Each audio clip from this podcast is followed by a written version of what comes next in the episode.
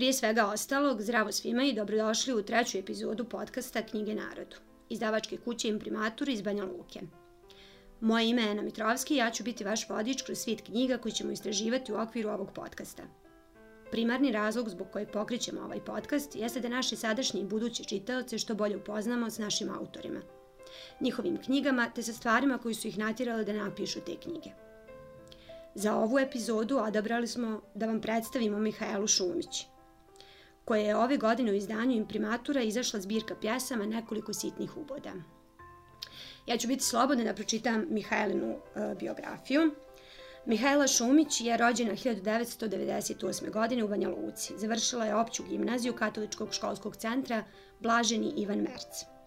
Tokom 2012. godine pisala je poeziju i kolumne za meksički Luf magazin, koji se nadam da sam dobro pročitala.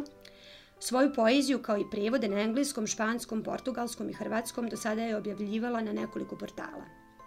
Čitaocima se predstavljala na festivalima književnosti Imperativ u Banja Luci i rukopisi u Pančevu. Zbirka pjesama nekoliko sitnih uboda je njena prva knjiga. Mihajla, dobrodošla u ovu epizodu. Hvala. Kako si? Dobro. Kako je bilo u Pančevu? U Pančevu je bilo jako zanimljivo. Bilo je baš puno ljudi iz regiona, tako da sam upoznala dosta ljudi mojih godina koji se bave pisanjem. Tako da je bilo onako prilično zabavno, ali dinamično, pošto je sve trajalo svega dva ili tri dana, tako da je, ovaj, tako da je bilo malo ubrzano, ali lijepo. Ti samo predstavljala ovu knjigu ili je to bilo nešto nevezano za ovo imprimaturovo izdanje? Ne, ne, nije, nije imalo nikakve veze sa knjigom, zato što je knjiga izašla godinu dana kasnije, nego je bilo, bilo je vezano za jednu moju pjesmu koja je izašla u, u njihovim rukopisima, pošto rukopisi izdaju svake godine, imaju uglavnom finaliste koje odaberu i onda objave njihova, njihove pjesme ili prozu, ovisno o tome ko je šta posla, objave to sve u jednom zborniku. E, e, ja volim Pančevo jako i pritom pratim njihovu umjetničku i muzičku scenu. Ono, kao ovim, ovim, ovom prilikom ih pozdravljam. Tako kao ovako širimo kao nadalje priču. Pozdrav Pančevo. Pozdrav Pančevo, to. Uh, ja bih započela ovaj, uh, našu priču zato što smo ovdje došle da, da ispričamo priču o tebi, a prvenstveno o knjizi koja je objavljena. To je knjiga poezije. Ima jedan stih, uh, zapravo tu su više stihova, jedna strofa pjesme koja mislim i najpoznatija uh, uh, od žene koja je tebe inspirsala čiju te to lažu imaš. da. kaže ovako, ne obraćaj pažnju na mene, dolazim iz druge planete. Još uvijek vidim horizonte tamo gdje ti crtaš granice. I to je zapisala ili je ono, neko drugi zapisao u nekom trenutku, zapravo vezuje se za, za Fridu Kahlo. Mm -hmm. Frida Kahlo je neko ko je tebe inspirisao i, i ja bih započela samim tim zato što i naziv ove zbirke zapravo je nekoliko sitnih uboda. Hoćeš nam ispričati tu priču, a ne u, u predgovoru ove knjige, ali bilo bi dobro da ti to ispričaš. Da, da, naravno. Pa što se tiče Fride Kahlo, za nju sam saznala vrlo rano, budući da sam od malena bila opsjenuta Meksikom i Latinskom Amerikom iz nekog čudnog razloga. I Frida Kahlo je prva ličnost koja vam padne na pamet kad spomenete Meksiko, pored, ne znam, revolucionara i tako dalje, Frida Kahlo je jedina umjetnica koja svima prvima padne na pamet. Nešto manje književnici, ali Frida Kahlo kao slikarka definitivno. Tako da, eh, ne znam, u početku mi se, na primjer, nije sviđalo, nije mi se nešto sviđala njena umjetnost, malo mi je bilo kao previše svega, ali ona kao osoba mi je bila izuzetno inspirativna budući da je prošla kroz čitav niz tragedija u životu i opet je nekako opet se nekako naučila nositi sa njima i bila je onako pravi stoik, što bismo rekli. Tako da, e, po pitanju Fride Kahlo, to je ono što je, ja mislim, jedna od najbitnijih stvari. Pored toga što je bila izuzetna umjetnica, bila je izuzetna osoba i izuzetno hrabra i jaka. Tako da je to ono što je meni najbitnije kad se priča o Fride Kahlo. Kaži mi zašto si ovaj uh, uh, zašto si uzela tu rečanicu upravo nekoliko sitnih uboda kao naziv svoje knjige. Zapravo jedna cijelina tvoje zbirke, to jest posljednja, uh -huh. uh, je neka vrsta omaža samoj Fridi, koliko sam ja shvatila. Da, da, jeste. Mm, U suštini ne samo Fridi, nego, nego čitavoj toj meksičkoj tradicionalnoj uh, liniji jel, umjetnika, umjetnosti i njihovim pričama.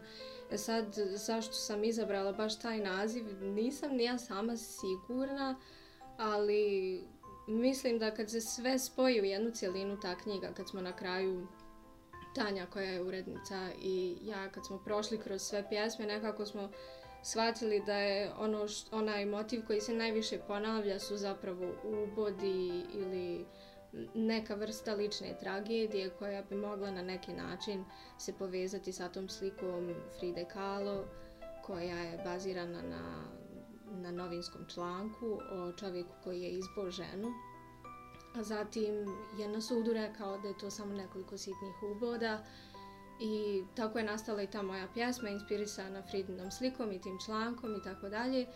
I, I mislim da eto, to je, tako je bilo na kraju kad smo sve pogledali, najviše smisla imao taj naslov. Uh, kaži mi malo prije si spomenula da si uh, veliki, kako bi to rekla, velika obožavateljka meksičke ono, kulture i svega toga. Ti si ta generacija 98. si godište. Mm -hmm. I pritom moram da kažem da je tvoja poezija jako zrela iz neke perspektive nekog ko čita dosta. Ko nekako vjerujem da sam onda relevantna za to. ovaj, I uh, samo ću ono digresiju napraviti na ovo sve. Ja sam prvi put čula za tvoje ime i za tvoju poeziju na jednom Mislim da je u Joku, to je kafić u Banja Luci, mm koji je inače, uh, jel, prije svega kao art kafić, i oni su imali to veće predstavljanje poezije. Ti nisi bila prisutna, ali Tanja Stupar Trifunović, koja je urednica tvoja, pročitala tvoju pjasmu, mislim da je bila u pitanju Santos, jel se tako mm -hmm, zove? Priča o Santosu. Priča o Santosu. I ja sam, kad je ona to pročitala, bila fascinirana i kao to je sigurno neka osoba koja ima 40 godina. Tako sam ja stekla, ne zato što kao neko mlad nije spreman, međutim te slike koje si ti ispričala i načina koje je to sve ovaj, ispisano i iskazano, stvarno me ono kao bilo bravo. Još saznam tada da si ti imala 19 godina, 18 koliko. To je zapravo tvoja prva pjesma, jel da? Pa nije moja prva pjesma, ali mogu reći moja prva kvalitetna pjesma. Dobro, to tako ćemo nazvati, da, da, da. Ovaj, pošto mislim, ja sam počela pisati vrlo rano, ono, u prvom razredu osnovne škole, sad, ono, god ovo čuje može zamisliti na što je to ličilo. Mislim, to je bila rimovana poezija koja nije imala nikakvog pretjeranog, bitnog, dubinskog smisla, ali, ovaj, Ali ne znam, eto, ta pjesma o Santosu je nekako moj uvod u, u nešto zrelije, zreliju tematiku. Ona je zapravo posljednja pjesma u ovoj zbirci. Da, da, posljednja pjesma. U nekako si obrnula to. da. um, možemo se ponovo vratiti na tu pjesmu, ali htjela sam ovaj moment da priđemo, a to je uh, kako zapravo naučila španski. I otkud obožavanje meksičke kulture i svega toga. Pa, Španski sam naučila tako što sam gledala telenovele sa bakom, pošto je baka kao i sve balkanske bake veliki fan telenovela. Ja sam puno vremena provodila sa bakom kad sam bila dijete i već tamo nekad u prvom razredu osnovne škole se sjećam da sam ponavljala one ustaljene mantre iz telenovela Yo soy tu madre, te quiero i tako dalje. I već nekad do desete godine, kako sam valjda previše voljela te telenovele, do desete godine sam već ono mogla da, ne znam, perim suđe u jednoj prostoriji i slušam telenovelu u drugoj i da razumijem o čemu se radi, šta se dešava. Tako da sam tako naučila španski. Ovaj, e, sad, kako je nastala ta obsesija Meksikom, upravo preko toga. U početku sam mislila da su Meksiko i Španija jedno te isto, pa sam brkala ta dva pojma i te dvije zemlje, ovaj, budući da je kao bilo logično priča sve španski, pa je to sve Španija. I onda sam stalno govorila kako želim da idem u Španiju. I onda sam otkrila internet i otkrila sam da se serije zapravo ne snimaju u Španiji, već u Meksiku. I onda sam htjela da idu u Meksiko i to je i dalje kao ta obsesija je ostala hoćeš ići u Meksiko u nekom Nadam se. uh, E, ono što je isto, da, interesantno, ti govoriš i portugalski, jel da? Da. Dakle, zapravo, koja je razlika? Mislim, možda sad ovo zvuči baš onako bez veze, što ja ne znam previše razlika između portugalskog i španskog. Pa, portugalski sam naučila prije nekih šest godina, jer je moja omiljena glumica iz meksičkih serija uh, snimila seriju u Brazilu i serija na portugalskom. I ona je učila portugalski da bi glumila u toj seriji. I uglavnom, ja sam eto htjela kao da, da se približim i toj kulturi i tom jeziku jer ono kao španski, hajde ono kao svi smo gledali španske serije, to jest meksičke, svi znamo španski, bar do neke mjere, bar ga možemo razumjeti ono, to jest oni koji ga ne pričaju. Tako da ovaj, onda sam počela sa portugalskim i shvatila sam da zapravo nema neke pretjerane razlike e, kao po zvučnosti da, zato što je jezik e, dosta drugčiji po pitanju melodičnosti, ritma i tako dalje, ali, ali korijen riječi je isti, potpuno isti, samo su krajevi riječi drugčiji, tako da u suštini samo okrijenete zadnji dio riječi na španskom i dobijete riječ na portugalskom. Na primjer, na španskom je situacija, situacion, na portugalskom je situação. To je nešto kako kod nas, ali BH jest. E, to, prilike. tako da, tako da jako, jako, jako lako. Uh, kaži mi, pored tih, sam, ti ovdje u tvojoj knjizi ova, imaš raznih simbola meksičke i generalno latinoameričke kulture. Imaš jedan dio zbirke koji je uh, posvećen eh, uh, astičkoj mitologiji zapravo, jel tako mogu to nazvati. Ti si taj jezik dok si učila, onda si se upućivala i u, i u te neke. Pritom imaš i taj dio negdje, što mi je odlično, nekako spajaš staru književnost, novu književnost, špansku seriju, što je ono kao negdje nemoguće, i imaš uh, stvari koje su vizane za pop kulturu, mm -hmm. za nešto što je obilježilo tvoju generaciju. Jesi to nekako planski, možda je naš ono, dezizi, možda nije na mjestu pitanja, ali to nešto bilo planski ili jednostavno pišući ovu svoju poeziju si ono, uzimala stvari koje si posmatrala i, i tako su nastajale? Pa sad, koliko je planski, ne znam ni sama. Sigurno nisam planski ono sjela i napisala nešto i rekla uh, želim da ovo opišem i da čitalac to shvati na taj način na koji ja to shvaćam. Mislim da svako ima svoje tumačenje.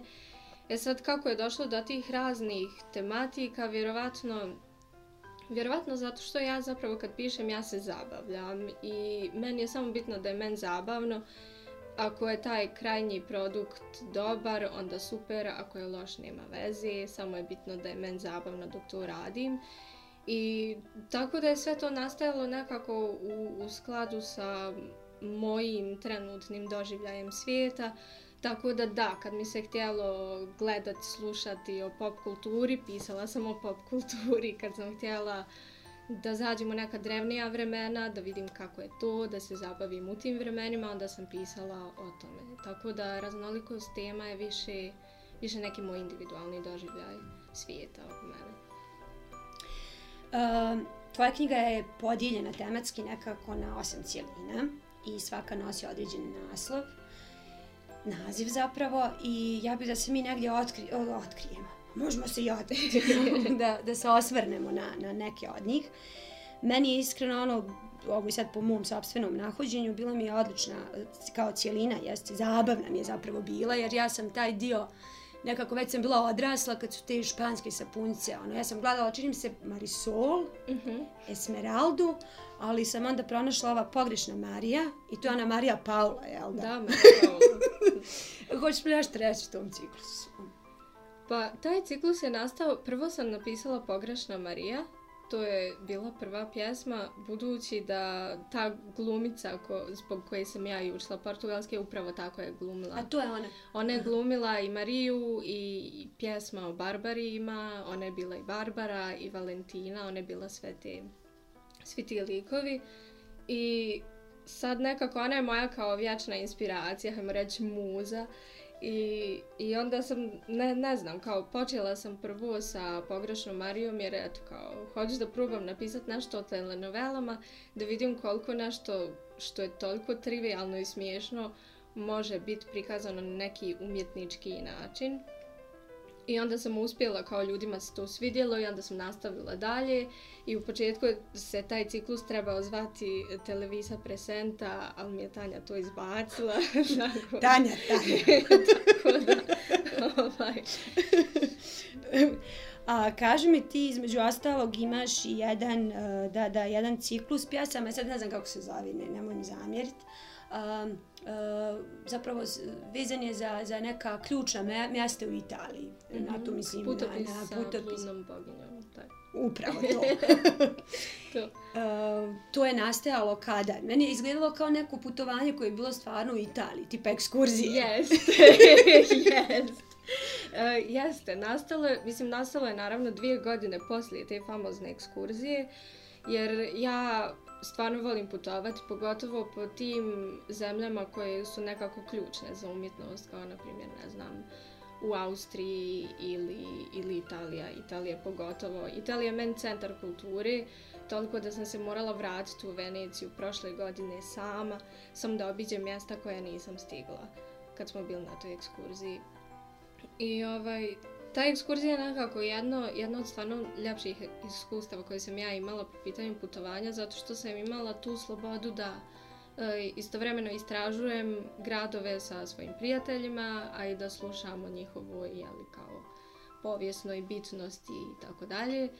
I taj ciklus je bio kao neka erotska personifikacija tih gradova, tako da je tako nastao, pošto sam, činim se tu veče bila noćna smjena, I onda sam gledala slike sa ekskurzije i onda mi je palo na pamet kao što ne pokušam napisati nešto vezano za sve te gradove jer, jer stvarno su predivni i, i nemam, nemam nikakvih drugih riječi kojima bi mogla opisati to iskustvo.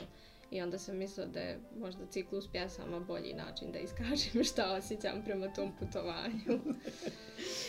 Uh, ja ponovo iz ono kao svoje perspektive, jel, kako čitajući, ono, za, pritom stvarno mislim da ti je jako kvalitetna poezija. Nije što si tu.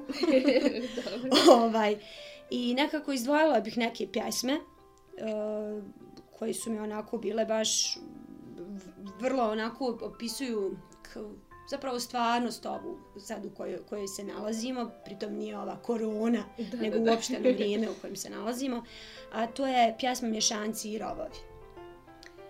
Uh, to je pjasma koja je onako, morala sam je nekoliko puta iskreno pročitati, uh, sam, sam uvod te pjesme, ti ćeš dozvoliti da ja nju samo malo pročitam, bar pr prva tri stiha, ono čisto da ljudi znaju koji nisu čitali čemu se radi. Uh, nemoj da roviš po mom podrijetlu. Rekli su da imam previše miješane krvi. U mesu krijem narode koji se međusobno mrze. Sva sam genocidna, homocidna, suicidna. Nemoj da roviš po mojim poljima i mišićima, da ekshumiraš leševe iz moje utrobe i svega što zaudara na smrt. To je isto jedan moment gdje ono kao prosto mi živimo zapravo u takvom društvu. Da. Nažalost jel, kako da kažem, sad ne, ne želim da se osvrćeš na tu pjasmu i sad da, da, da to da. analiziramo. Um, zapravo, da li poezija, pošto si ti prevashodno pjesnikinja, da li ona mijenja neke stvari? U smislu da ovo ljudi pročitaju i nekako dožive na neki način, ono, da, da, da, kao stanu, za, zamisle se, nevažno da li su obrazovani, neobrazovani, da. koliko ih to tiče, koliko ih se tiče zapravo bilo šta od toga. Pa, Mislim, hm, reakcije ljudi na tu pjesmu su onako prilično pozitivne, tako da ono mogu reći da, da je dosta ljudi koji su to pročitali su osjetili šta sam ja tim htjela reći. E sad, problem tog osvještavanja je nisam toliki idealista da vjerujem da umjetnost može na bilo koji način promijeniti svijet, promijeniti sistem, tu to rade političari i drugi ljudi. O, druga e sad, strana. Da. A, ali da, mogu definitivno mogu definitivno osvijestiti bar tu, tu neku pozadinu i, i ljudi koji ignorišu to sve, možda nekim dijelom mogu shvatiti u kakvom društvu zapravo živi. Da, ali mm. da li bi se ti složila sa mnom mm. da je tu nekako pitanja razlike i pitanja kao tog nečega da neki ljudi koji su ono dovoljno uh, um, kako da kažem, koji se bavi sa gomlom dobrih stvari, da li to umjetnost ili neka humana stvar, mm -hmm. koliko su oni zapravo negdje diskriminisani u ovom društvu.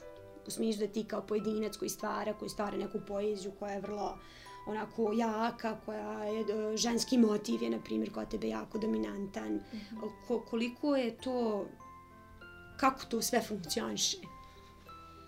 Pa sad po pitanju diskriminacije te na osnovu jel, tog, tog nekog grebanja pod, pod kožu društva i, i socijalnih problema, to definitivno postoji, ali mislim da nije toliko diskriminacija koliko nevidljivost.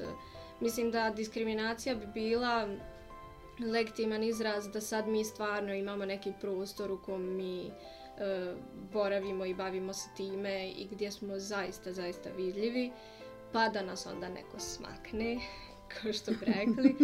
Kao, ok, taj dio bih mogla možda definirati kao diskriminaciju, ali mislim da je ovdje samo problem nevidljivosti. Mislim da um, umjetnici ovdje i generalno kultura nemaju, nemaju neku pretjeranu vidljivost koju bi trebali imati.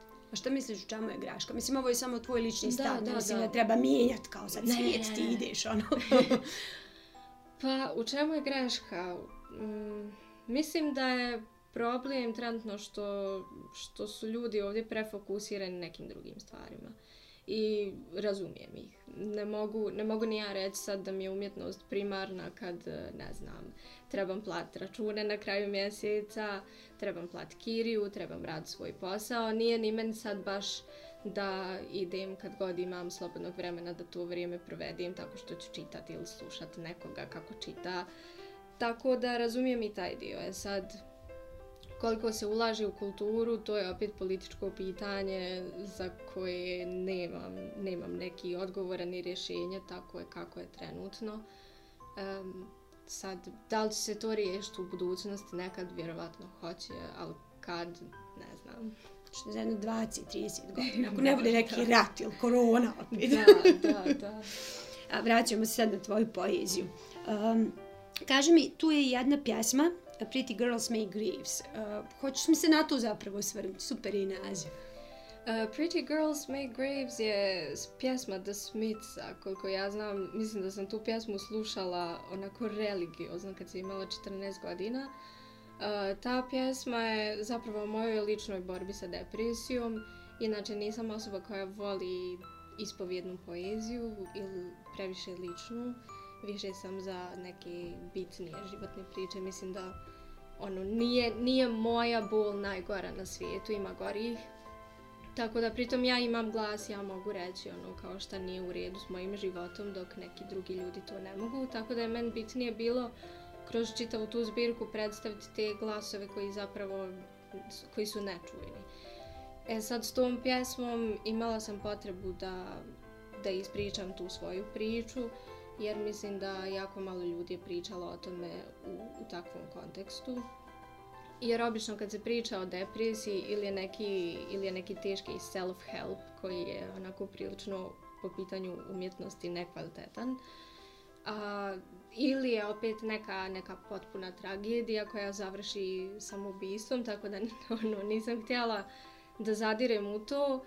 A, I onda sam samo odlučila da ok, u ovoj pjesmi ću napisati iskreno kako i šta se desilo i, i moji pokušaj samoubistva i, i stvari koje sam ja proživjela kroz tih 8 ili 9 godina koliko to sve trajalo. Tako da ovaj, sa tom pjesmom sam, ajmo nekako reći, raskrstila sa svojim tim stanjem i počela neki, neki novi život. Zapravo, poezija koju si pisala je negdje tebi pomogla da odrastiš i da se sa svojim stvarima nosiš. Jel, jel ima u tome istine? Da, da, definitivno. Definitivno, zato što ja nisam tip osobe koji, koji može puno da priča o sebi i o svojim problemima pogotovo. I onda sam nekako nalazila, nalazila sam način da kroz pisanje ispoljim to nešto, taj neki višak sebe koji, koji imam u tom trenutku kroz naravno neko pisanje, nije sad ovaj, da je svaka pjesma nastala kao neka, neka moja unutarnja borba, mislim, manjina tih pjesama je nastala tako, ali opet, eto, odlučila sam da je u redu. Pobijedila to, si uglavnom. Da, da. to je najvažnije. da. Um, čisti su motivi, koliko sam ja pri, primijetila i u nekoliko trenutaka se, se spominju, a to je taj motiv vjetra, neke nestalnosti, nečeg što je ono, predivno u poeziji i, i ljubavi prema djetu. Da. E, Djed, djed, djedstvo je, nije više među živima, da. Uh, pa ja sam od malena obožavala vjetar. Zbog, mislim da čak ima u jednoj od pjesama to navedeno. Uh, gledala sam crtani Scooby-Doo-a. Scooby-Doo mislim se zove crtani.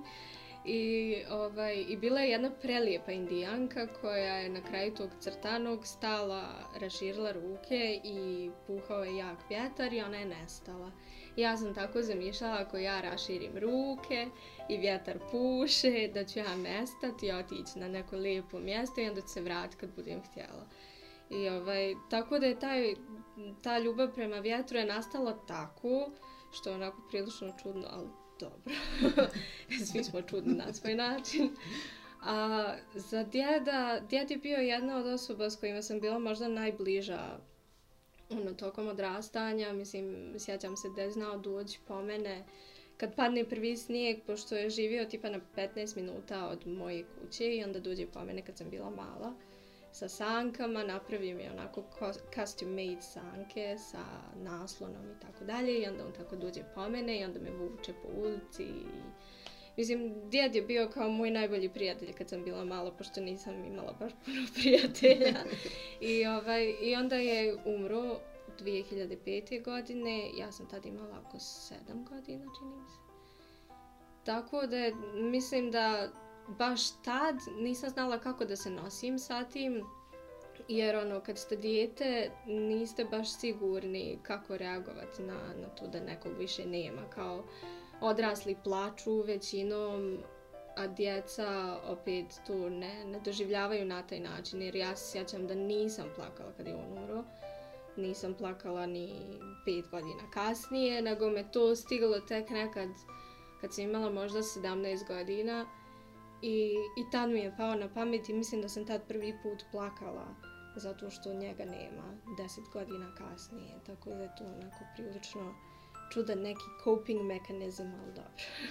da, da, ali, ali to mo, mo, pa, pazi ono, ali imala si to mm. strašno djetinjstvo u smislu da je bio prisutan. Da, da, to, to bio, su neke bio ključne je stvari, i, da. Bio je tu i tog se sjećam i, i pamtim sve te naše trenutke zajedno, tako da ono, pamtim ga kao takvog, ne kao ne kao neku tragičnu ličnost, hvala Bogu. Da, što je odlično.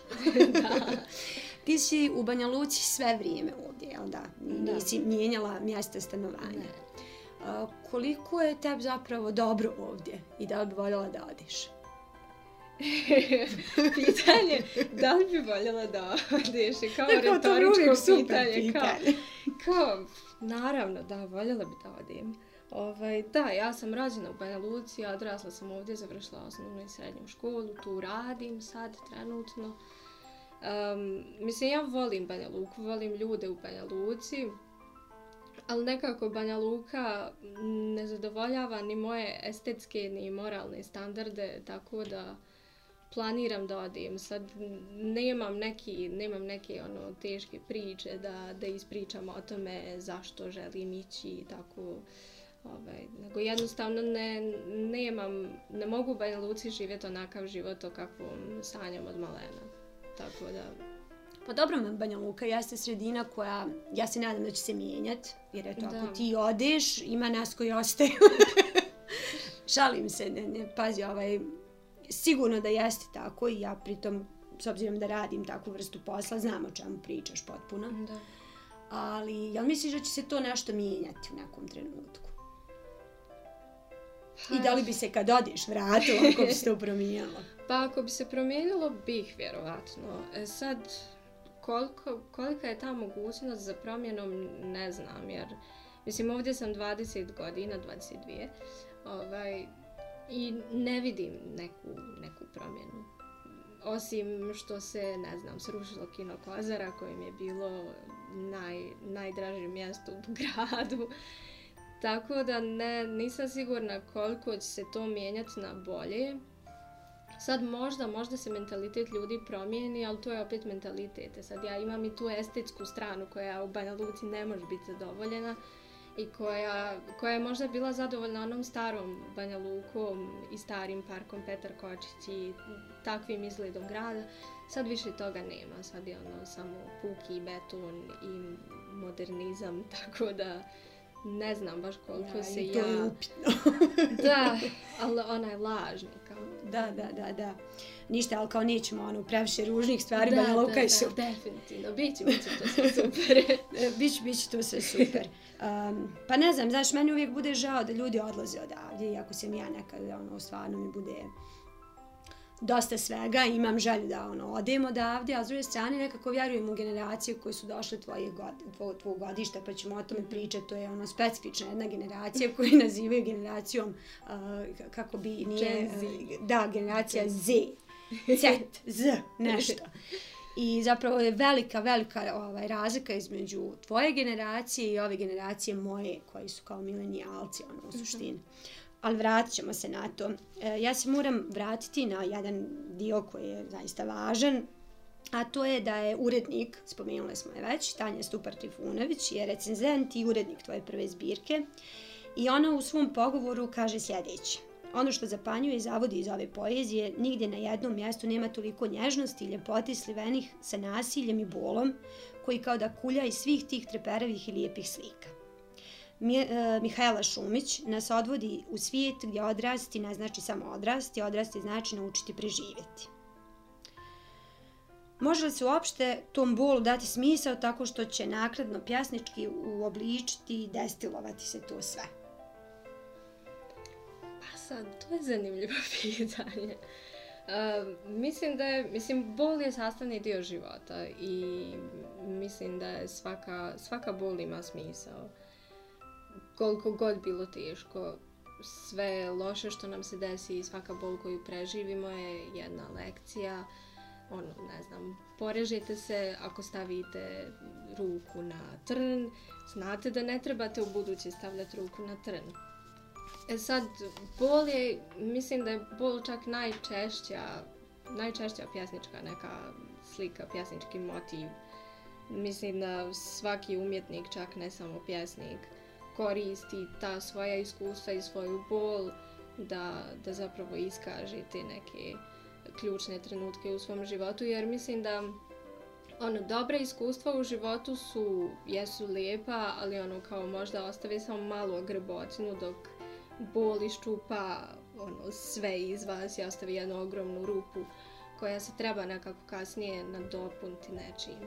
I mislim da je najbolji način popunjavanja te rupe za one koji imaju jeli, taj, tu umjetničku žicu, hajmo reći, je da upravo to na, na neki način liječi svoje umjetnosti i da prikažu to što osjećaju kroz, kroz svoju umjetnost. Da, da, nekako to crpe. Ali kažu inače, ono, kao da uglavnom ljudi koji stvaraju nikad nisu stvarali srećni. Da, Nego uvijek da, se da, mora ne- desiti ne neka postoji, stvar. Ne postoji sretan umjetnik, to je kao ako ste umjetnik i srećni ste, onda se trebate to, zapitati. to, onda ste ludi, potpuno. Um, tvoja knjiga je imala taj peh da je izašla sad pred ovo uh, divno stanje, sarkastično divno stanje pandemije koja u, toliko traje da više nema, nema, nema ovaj, kraja. Boris koji je uh, izdavač, a moj urednik, uh, žalio se jednom prilikom kako je ta, zapravo to, te vijesti koje su tada došle su onemogućile bilo kakvu promociju književnosti. I koliko je to utjecalo, s obzirom da je to tvoja prva zbirka i da li ti je to zapravo bilo važno kad si objavila da se to promoviše i da ljudi čuju, da čitaju, koliko je to važno tebi? Pa meni je ta prva zbirka zapravo bila, bila je važnija za mene samu nego, to jest bilo mi je bitnije da sam ja zadovoljna time nego da to sad bude nešto prerazglasano, da, da su ono, ljudi općenjeni time i tako dalje. Um, mislim, znam da zvuči sebično, ali ovaj, na prvom je to bilo najbitnije nekako da ja sebi dokažem da ja to mogu. Da, jer ono, mislim, pišem baš, baš dugo i nikad mi nije palo na pamet da ja sad nešto izdam od svega toga što sam pričati, napisala. kao imala si ideju da to ne. stoji samo. Ne, to stoji, mislim imam i stari pjesama koji su na papirima negdje ono, kod roditelja u kući stoje ono, u ladicama i tako dalje ono, meni je to bilo bitnije da, da mogu često sebi dokazati da, ok, uh, mogu da pišem, mogu da se bavim time i mogu da dođem do izdavača sa tim što radim. To je na neki način potvrda meni samoj da je to što ja radim dobro. Jer dotad nisam baš imala tu svijest o tome koliko je šta što sam ja napisala kvalitetno, koliko nije. Sve dok drugi ljudi nekako oko meni nisu počeli da to čitaju i da komentarišu pozitivno. Tako da bilo mi je bitnije nekako da ja samoj sebi to dokažem. E sad, e, to što je knjiga izašla možda, mislim da je promocija bila krajem februara, ja sam već od 16. marta bila u lockdownu u stanu i dalje sam, mislim, radim od kuće tako da, ovaj, sad... Prekinut ću se, izvinim. Da, da, da. Jel smatraš da su promocije književnosti važne i koliko su one zapravo slobodno to tako mogu reći, zanimljive za, za nekog ko e, u redu je to da čitaju tvoji prijatelji, ljudi koji inače čitaju, ali ja sam mišljenja da ljudi slabo čitaju. I pritom postoje kao podaci o tome da je to vrlo slabo. Jel misliš da je to promocija takva kakva je kod nas? Pritom ne mislim ništa loše uh, da li to zadovoljava potrebe nekog ko, ko ne spada u krug čitalačke publike, znači da to može da se kao raširi, da, da, da dobiješ novu čitalačku publiku? Pa mislim da sad na promocije to je, to je malo komplikovano i škakljivo. Uh, skoro sam gledala jedan odličan film o violinisti koji tako ima svoj prvi nastup, svoju premijeru i tako dalje i njegov prijatelj mu govori na te premijere dolazi samo rodbina i neprijatelji. To jest, dolazi samo rodbina koja želi da te čuje i neprijatelji koji žele da znaju kakva im je konkurencija. Tako da, po pitanju tih promocija, mislim da je to više na taj fazon, da dolaze ljudi koji se jeli, ili time bave, čisto da malo vide o čemu se tu radi. Čije je bolje. to, čije je bolje da uporedim. Mislim, nemam ništa protiv. Ono i ja sam kompetitivna. Ovaj, e, e, sad, mislim da najviše, najviše se zapravo promoviše danas putem interneta. To je, ja mislim, najbolji način da, da se dođe do te neke šire, šire mase i šire publike. Ne vjerujem da baš živim fizički i prisutnim e, nastupima možemo toliko promovisati nešto danas, jer je većina, većina stvari je koncentrisana na internetu. Pa jest ima i ona platforma koju ja sad trenutno mogu da se setim imena, ali to nije ni važno, uh, opisat ću je. Mislim da je u pitanju američka pjasnička platforma gdje izlaze mladi uh, pjasnici i super je snimano. Mm -hmm. I, to je jedna stvar koja bi, na primjer, evo sada, kao prijedlog da. mogla da zaživi. Da, da, mislim. Sigurno su tu upretila. Ja sam, ja sam, ne znam nija kako se zove, ali oni su čak i izdavač i istovremeno... To.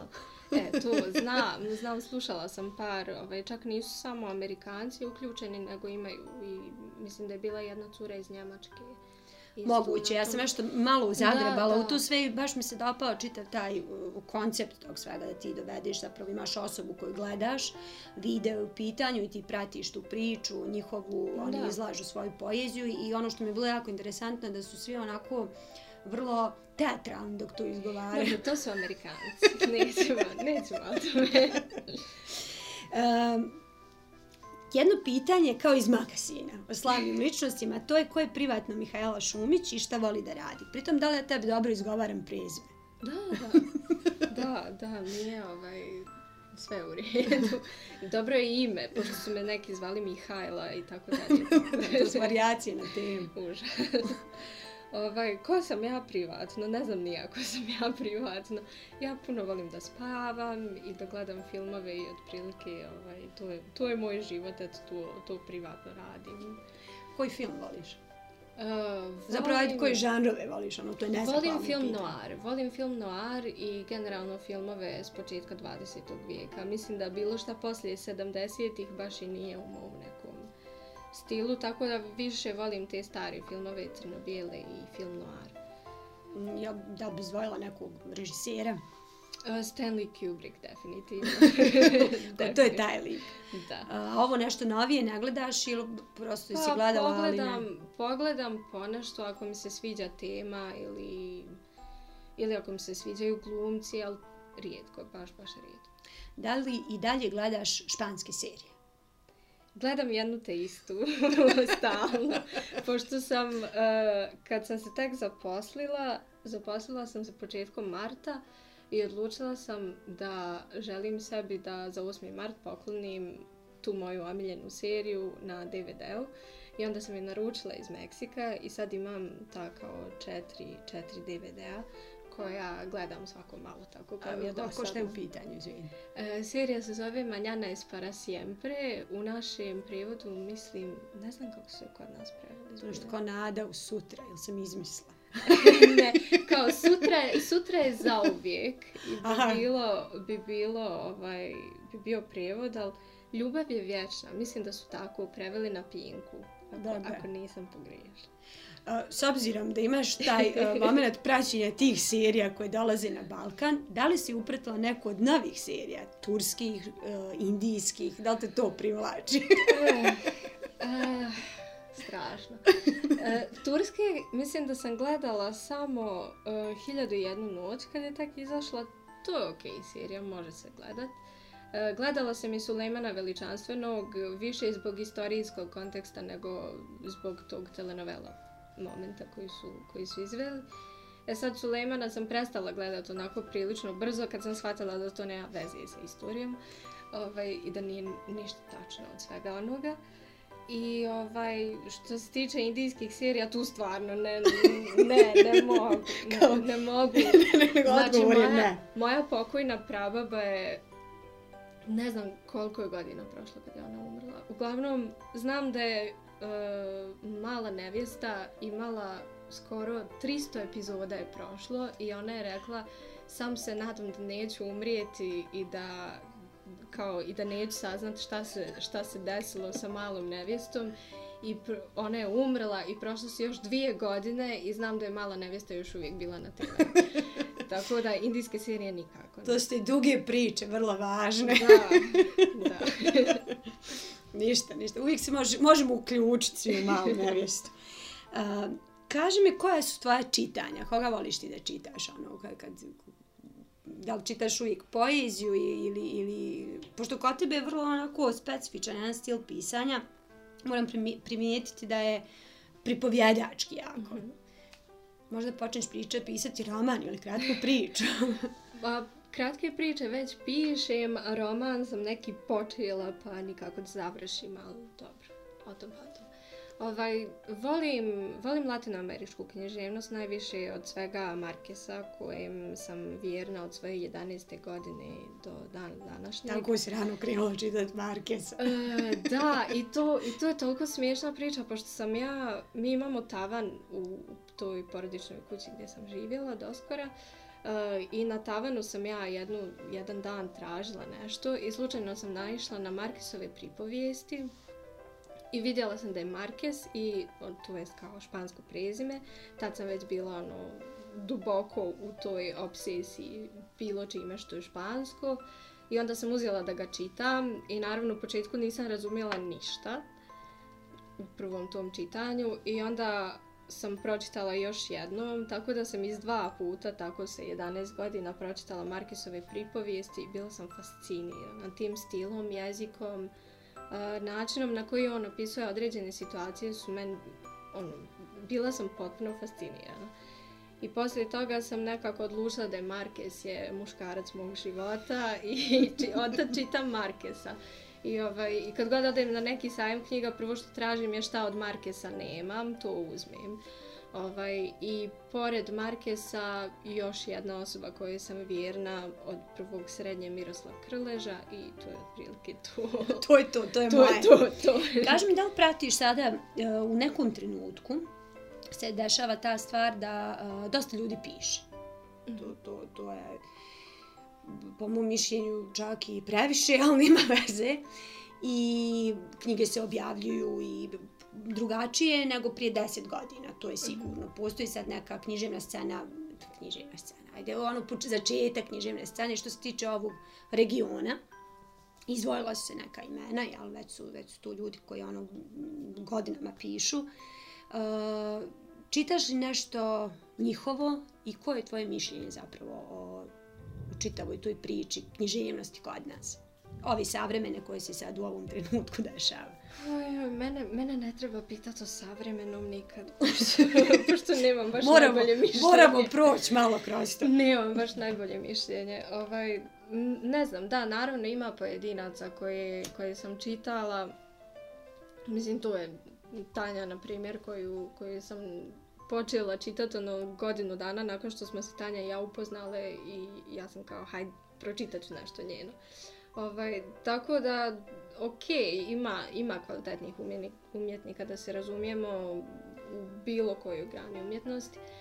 E sad sa tim ogromnim valom književnika koji se pojavljuju danas, pogotovo mojih godina, ne, ne znam sad koliko je škakljivo da uopšte, da uopšte pričam o tome, jer ovaj, jer ne, nemam sad neko najpozitivnije mišljenje, naravno ima pojedinaca koji se izdvajaju kao izuzetno kvalitetni, ali, ali problem je danas što ljudi su nekako sve manje samokritični, jer, mislim, naravno ne smatram da svi trebaju pisati kao ja i da sam ja nešto super i šta ja znam, nego mislim da ljudi, ljudi više uopšte ne razmišljaju o tome da li je nešto što su napisali dobro ili loše, nego kao napisala sam, podijelit ću i tako dalje. I mislim da time gubimo kvalitet i da i da generalno mislim da je to već ismijavanje nekog književnosti u neku ruku sa pretjeranim vulgarizmima, sa uh, manjkom metafore, sa manjkom te neke priče i slojeva. Mislim da književnost generalno zaslužuje puno više od toga. Uh, ja neću ništa reći jer ja nisam pitana. um, Mogu te ja kao, zamijenim uloge, Šta znači. šta je tvoje šta je tvoje mišljenje? mišljenje? Kao, kao ja nemam mišljenje, tako ćemo ostati na tome. Um, zapravo ta književna scena, uh, je, pa, sad sam se zbunila, kao, znaš, uvijek hoće kao ono, jezik brže od pameti, jel, taj, taj moment. Uh, ne znam, ja se nadam da će se to razvijeti u nekom dobrom pravcu, Pa, ono, s obzirom mislim. eto, da postoji izdavačke neke kuće koji su Da, mladi, da. između ostalog imprimatur koja opet, uh, po mom mišljenju, bez obzira što ja radim ovaj podcast s njima, uh, mislim da oni negdje promovišu neke dobre savremene pisce, Da, imaju da. prevodilački dio, što je vrlo važno, ali evo, po mom mišljenju, nedostaje kritika. Šta više, To mislim da jeste. postoji ljudi koji bi to mogli da rade, bar u književnosti. Ne znam, jesi ti saglasna s tim? E, to se definitivno, definitivno se slažem s tim, zato što kritike definitivno fali i to je veliki problem jer ne možete imati ogromnu navalu umjetnika u, u jednom periodu ako nemate kritičara. Mislim, kao mo, mogu se promovisati možda pogrešni ljudi, sad ne mislim da ne znam kako da ovo formulišem da ne bude ovaj da ne bude otrovno. Ali ovaj može se desiti da ne znam, nešto što je nekoj široj masi možda simpatično ili interesantno i možda neka šira masa vidi neki umjetnički dio u svemu tome. Može biti da taj pojedinac nije toliko umjetnički kvalitetan po nekim standardnim kriterijima u književnosti, ali je opet, hajmo reći, simpatičan i tako dalje nekoj široj publici. Tako da, ono... Zna da mislim- upakuje stvari da, zapravo. zna da, upakuje stvari i postoji, postoji taj problem. Po, definitivno postoji problem manjka kritičara koji će biti zaista dobri kritičari. Mislim, ima nekih kvazi kritičara, da se razumijemo, ko, ko- koji baš i ne uzimaju sve to u obzir. Tako da mislim da možda bismo trebali malo više da se angažujemo oko traženja kritičara, a malo manje oko nekog masovnog objavljivanja novih umjetnika. Kao umjetnici stante. malo, malo. Sekund. Sekund. Malo prije si spomenula um, zapravo i, i pisce koji su tvoje godište, pa bih ja da se mi osvrnemo na tu generaciju koja je uh, generaciju Z, koja zapravo pripadaš i ti. I vi ste po mnogo čemu drugačiji, ono, napravljena je ona podjela, jel, čuvena mm -hmm. generacijska po kategorijama, od ono, izgubljene generacije, pa međugeneracije, pa to je išlo, išlo, išlo. I ovaj, ja sam ta neka generacija 80-ih uh, sam se rodila. I od nas je se mnogo očekivalo, ali nekako nismo ispunili očekivanja. Nešto, znaš, kao uvijek se vraćamo na priču o ratu, tebe je to promašilo, sigurno imalo neke posljedice za tvoje roditelje. Uh, kakva je zapravo, koji su zahtjevi tvoje generacije? Jer si ti neko koji je glas svoje generacije, jel da? Pa, mislim, sad ne znam koliko sam ja tačno ovaj, dobar, iskren glas moje generacije, pošto moj, mi sestra koja je isto Gen Z stalno govori da sam ja zapravo boomer, a ne Gen Z, ali dobro, prihvatit ću i to. Uh, mislim da je ono što je dobro u vezi sa ovom, sa ovom generacijom je ta nekakva otvorenost i informisanost. Mislim da Mislim da su većina ih je ono dosta širih svatanja nego nego prethodne generacije, hajmo reći. Tako da mislim da je to jedna super stvar. Super je što većina odrasta iz internet, većina nas ima internet sad. Tako da, ono, kakva god nam informacija treba u suštini imamo je na internetu, možemo se informisati o nekim stvarima bez, bez predrasuda. Tako reći. I mislim da je to to je ono što je dobro u vezi s ovom generacijom. Sad nekakva izmještenost, opet to je ono što se meni ne sviđa, a mislim i ja to radim da se razumijemo. To da ono kao u jednom trenutku prestanete ovaj, vjerovati, to jest prestanete živjeti ovdje, nego se u glavi preselite na, u neku zemlju prvog svijeta i onda živite po tim pravilima. Mislim da je to, na primjer, problem te generacije Z, što bi se reklo. A da li će ta generacija, mislim, tu ti moram pitati, prosto je koliko god da li si glas ili ne, kako se rekla, e, da li misliš da će to dovesti do neke, kako bi rekla, ono, masovne anksioznosti, da se tako izrazim, i do nekog um, momenta gdje će se tvoja generacija povlačiti sama u sebe, u smislu da će biti neće ti imati potrebu za onom komunikacijom ljudskom, kao razgovora i toga svega.